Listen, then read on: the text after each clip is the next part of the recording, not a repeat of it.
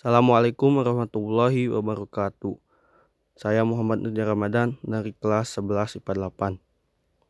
Di sini saya menjelas akan menjelaskan atau mempresentasikan tugas KD 4.2 yang diberikan oleh Ibu Ayu Martiani yaitu tugas mengembangkan teks prosedur dengan memperhatikan struktur dan aspek kebahasaan teks prosedur. Tema kali ini yang saya ambil adalah teks bertemakan aktivitas tertentu. Judul teksnya adalah cara menguasai bahasa asing. Tujuannya, tujuan penulisan teks untuk memberikan cara agar mempermudah pembaca menguasai salah satu bahasa asing. Sasaran pembaca untuk semua orang, baik remaja, anak-anak maupun orang dewasa. Tujuan bahasa bahasa merupakan hal yang paling penting di dunia dunia komunikasi. Oleh karena itu, kita harus bisa menguasai salah satu bahasa asing selain bahasa Indonesia dan bahasa daerah kalian masing-masing. Baik itu bahasa daerah di daerah lain maupun bahasa negara lain. Oleh karena itu, di sini saya akan memberikan tips secara umum bagaimana cara sih menguasai bahasa asing. Langkah-langkah yang pertama, buatlah sebuah jadwal rutin agar kalian bisa lebih belajar bahasa tersebut dengan teratur danlah buat sebuah tujuan. Untuk apa sih kita e, mempelajari bahasa tersebut dan dan buatlah sebuah reward ketika kita mendapat ketika kita mencapai suatu apa yang kita inginkan. Yang kedua, buatlah sebuah catatan. Catatlah kata-kata asing yang Anda temui dan temukan artinya Kemudian tempel kata-kata tersebut pada jendela, lemari, cermin ataupun pintu di kamar kalian untuk mempermudah jika kalian lupa terhadap kata-kata tersebut. Yang ketiga, hafalkan.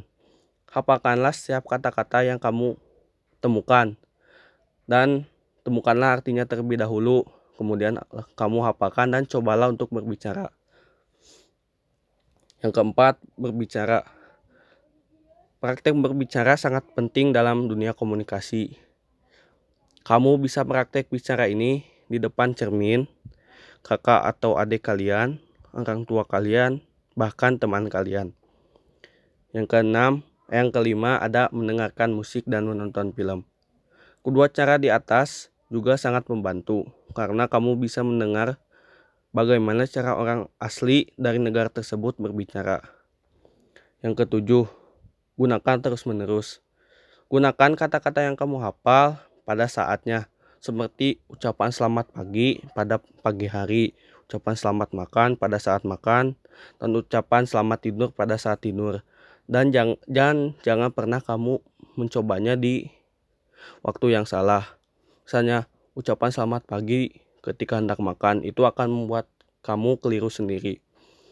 Yang ketujuh, percaya diri.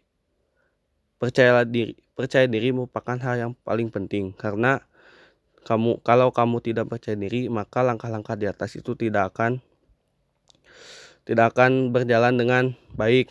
Karena kamu tidak percaya diri maka percaya dirilah. Eh, hasil yang didapatkan setelah kalian belajar kalian akan mendapatkan sebuah kemampuan yang mungkin orang lain belum bisa mendapatkannya.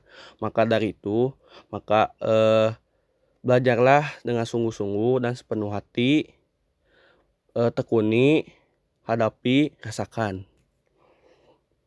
Eh, dan jangan jangan lupakan bahasa ibu kalian yaitu bahasa Indonesia dan bahasa daerah kalian masing-masing. Selamat mengerjakan. Bila topik walidayah. Wassalamualaikum warahmatullahi wabarakatuh.